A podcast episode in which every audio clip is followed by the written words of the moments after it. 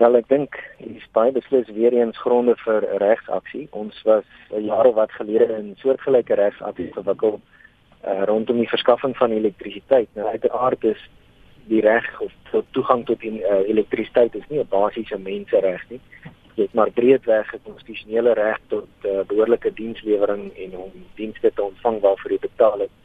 Maar dis nie 'n basiese mensereg soos in die geval met water nie. Water is 'n basiese mensereg en uiteraard binne die perke van wat moontlik is, kan 'n mens litigeer om jou reg tot water uh, te beskerm en af te dwing. En ek hm. dink hierdie is by uitstek 'n voorbeeld van 'n saak waar mense wel deur middel van litigasie moet aanpak. Ons sien hier 'n klassieke voorbeeld van twee regeringsinstansies, dis nou die waterrade aan die een kant en die munisipaliteite aan die ander kant. Die munisipaliteite wat nie hulle verantwoordelikhede teenoor die waterrade nakom nie en die individue, die gewone mense op die grond wat in die proses ontneem word van 'n basiese reg.